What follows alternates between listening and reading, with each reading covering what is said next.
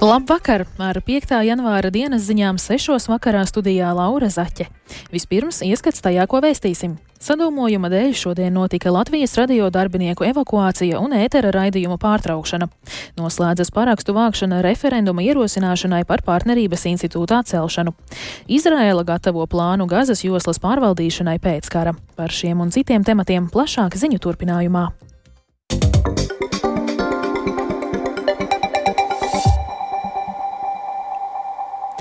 Latvijas radio ēkā šodien sadūmojuma dēļ notika darbinieku evakuācija, un pēc pulksteni pusdiviem pēcpusdienā līdz drošai pārraižu atsākšanai tika pārtraukti ētera raidījumi. Vairāk nekā divu ar pusi stundu pārāvums Latvijas radio ēterā raisīja sabiedrisko elektronisko plašsaziņas līdzekļu padomas jautājumus Latvijas radio valdei, gan par uguns nelaimes izcelšanās iemesliem, gan par to, kā raidījumu pārraidīšanu ēterā nodrošinātu ārkārtas situācijās. Latvijas radio valdes priekšsādētāja Una Klapkalne atsāka Sākoties raidīšanai, raidījumā pēcpusdienā kolēģim Tālim Eipuram sacīja, ka šos jautājumus izvērtēs. Droši vien tā mūsu reakcija bija fokusēta uz sociālajiem tīkliem, kur šīs atbildes bija sniegtas. Īsti nebija pamata iedarbināt citu mehānismu, kurš būtu bijis gadījumam, ja no radio mājas nevarētu raidīt. No radio mājas translācija turpinājās, elektrība netika atslēgta un arī dzen, visas sistēmas un viss pārējais darbojas no radio mājas. Kas ir jūsu pirmie secinājumi līdz ar to, pie kā būtu jāpiestrādā, lai radio klausītāji šādos brīžos varētu būt vairāk informēti? Varbūt? Mēs patiesībā esam sagatavojušies nopietnākiem incidentiem, kad no radio mājas nebūtu bijis iespējams raidīt. Šajā gadījumā no radio mājas viss tas, ko cilvēki ētrā dzirdēja, tas skanēja no radio studijas, Doma laukumā. Un droši vien, ka tas, kas būtu jāsagatavo, ir kaut kādi tādi mazāki risinājumi šādām situācijām. Kā jūs uztverat šo savu atbildību šajā gadījumā? Es domāju, ka gan kapitāla daļu turētājs šo manu atbildību izvērtēs, gan arī dzen, mēs paši izvērtēsim to, kādā veidā šī reakcija bija vai nebija pietiekama. Šodien noslēdzas parakstu vākšana referenduma ierosināšanai par partnerības institūtu atcelšanu. Mēnesis ir pagājis, un no referenduma ierosināšanai nepieciešamajiem vairāk nekā 154 tūkstošiem parakstu izdevies savākt vien nedaudz vairāk kā aptuveni septīto daļu. Provizoriski parakstu vākšana ir izmaksājusi nedaudz virs viena miljona eiro, tā vēsta Centrālā vēlēšanu komisija. Kā vērtējami šādi rezultāti un vai aktivitāte parādījusi sabiedrības attieksmi pret partnerības institūtu, par to plašāk Agnijas Lazdiņas ierakstā ierakstā. Saimas opozīcijas partijas atzīst, ka parakstu vākšanā cerēja uz lielāku iedzīvotāju atsaucību, kā norāda Saimas deputāte Ramona Petraviča no Latvija pirmajā vietā. Savākt vajadzīgos parakstus nesot iespējams pie pašreizējā iedzīvotāju skaita, tas esot pārāk augsts slieksnis neatkarīgi no tā, kāds būtu jautājums. Tāpat arī esot ļoti neveiksmīgs parakstu vākšanas laiks, proti decembris, kad ir svētki, kā arī esot bijis grūti saņemt informāciju un saprast, kur un par ko īsti ir jāparakstās cilvēku aktivitāte ir tiešām tāda, nu, zema bijusi, tas ir sāpīgi un bēdīgi. Tas parāda gan tādu uh, nevēlēšanos iesaistīties kādos procesos un neticību. Neticību tam, ka tiešām tie paraksti varētu tikt savākti, bet, nu, rezultāts ir tāds un tāds, tas ir jāpieņem, diemžēl. Partija gan esot darījusi tik, cik varējusi, gan informāciju publicējot sociālajos tīklos, gan runājot ar reliģisko organizāciju pārstāvjiem un taisot intervijas, taču, kā uzsvēra deputāte, tas nesot bijis tikai Latvija pirmajā vietā darbs. Arī deputāts Edvards Smiltēns no apvienotā saraksta pauda, ka partija speciāli organizētas kampaņas nesot rīkojusi, jo nākamais un aiznākamais gads ir vēlēšanu gadi, tāpēc partijai nesot tik lielu līdzekļu. Taču partija sociālajos tīklos ir aicinājusi sabiedrību parakstīties. Man galvenais princips bija sargāt demokrātiju. Jo, ja saima rīkojas diametrāli pretēji tam, kā ir solīts vēlēšanās, tad tam jābūt ir caur sabiedrības autorizāciju. Protams, es aktivitāti sagaidīju lielāku.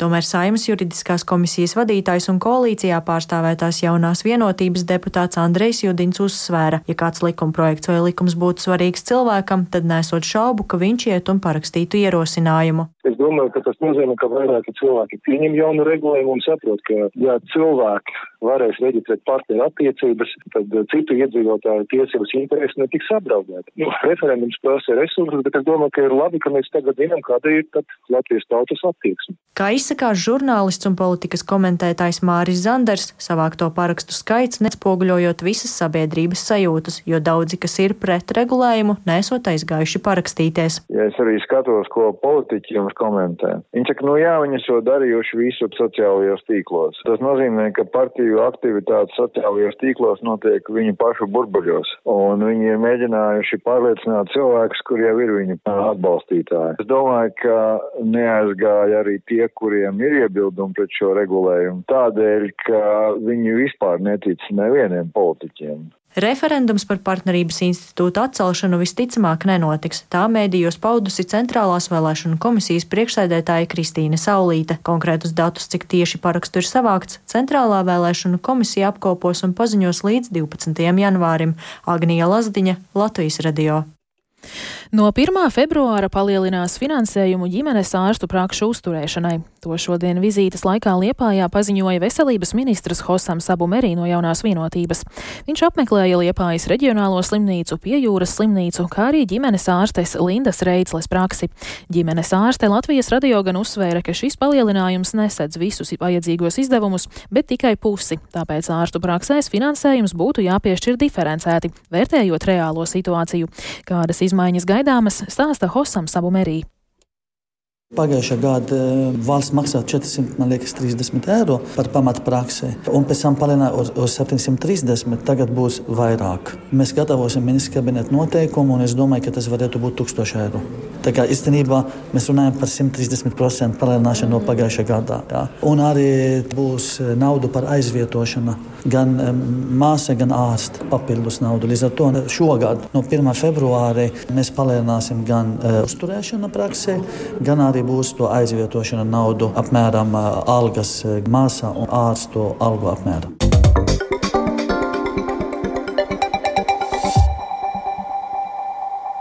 Pēc Izraēlas kara ar teroristisko grupējumu Hamas Gazas joslas teritoriju pārvaldīs palestīnieši, taču Izraēla saglabās militāru kontroli pār Gazu.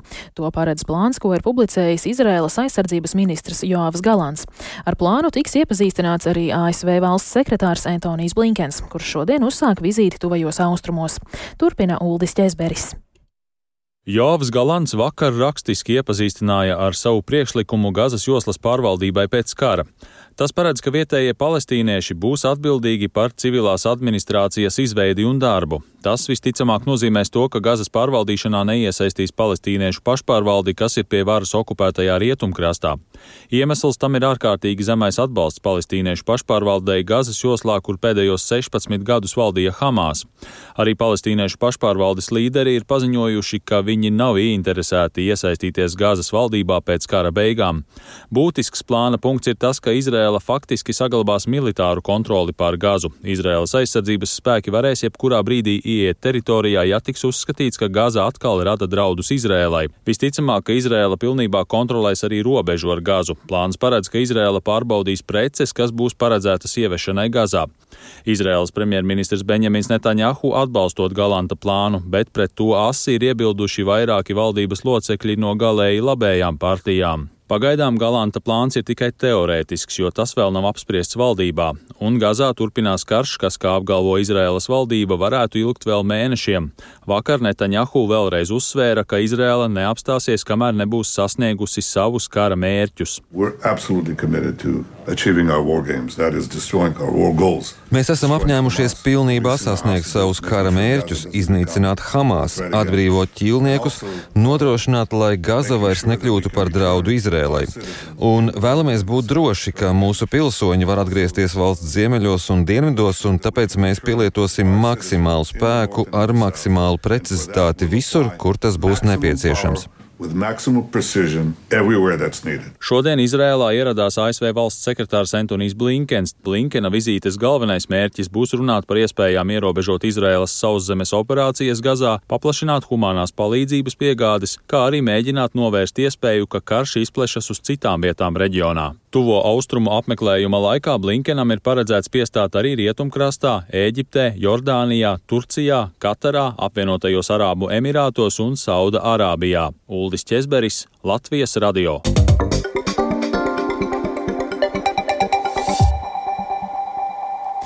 Apledojoši un sniegoti. Tādi šodien ir autoceļi daudz viet Latvijā. Kopumā līdz pussešiem vakarā policija fiksējusi jau vairāk ceļu satiksmes negadījumu nekā vidēji dienā. Vairāk Viktora Demīdova reportāžā.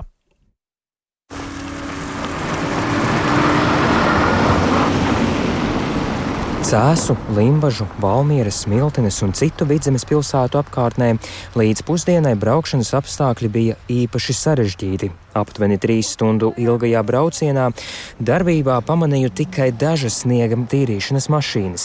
Salīdzinot ar pierīgu, ceļi bija vairāk aizputināti un apladojuši. Lūk, ko saka uzrunāti autovadītāji un autobusu šoferi. Grūti, grūti braukt, ļoti grūti. Slideni, sniegot kādi? Sniegot un slidens arī ir pieturas nav tīrīts, nekas nav darīts. Vienkārši nu, šitāds laiks ir pirmo reizi tāda ziema. Ir kā normāli. Tas arī atkarīgs no kādas riepas tu izmanto. 50 nopēc lētākās, nu, tad, tad rēķinies, nu, kad būs. Es biju Rīgā, izbraucu Rīgā, turp atpakaļ. Un normāli, bišķi sniedziņš. Ziemā jābūt slidenam ceļam. Ir. Tagad braukšu uz Valmieru. Domāju, ka asfaltētie ceļi, es domāju, ka nekāda vaina slideni. Pa priekšu brauc tieši man kaisītājs, kurš tikai šķūrēja ceļu, tas bija arī viss. Par spīti laikapstākļiem Valmieras un Cēsu novadā pārtikas un pasta pakalpojumus šodien nodrošināja saulaicīgi. Arī operatīvais transports nebija nonācis grūtībās. Tā teica minētajās pašvaldībās. Taču grūtības tik un tā ir, atzīst Cēsu novada centrālās administrācijas pārstāvis Egils Kurpnieks. Esošie pretlīdz materiāli šādos mīnusos nestrādā kā nāks, kā zināms, nesāls un tam līdzīgi. Līdz ar to šajās pēdējās dienās bija lielāks vai mazāks izaicinājums ar slīdamību ielās un ceļos, bet tagad pēc uh, sniega sniegšanas tāpat visas tehnikas vienības ir ierindā un darbā.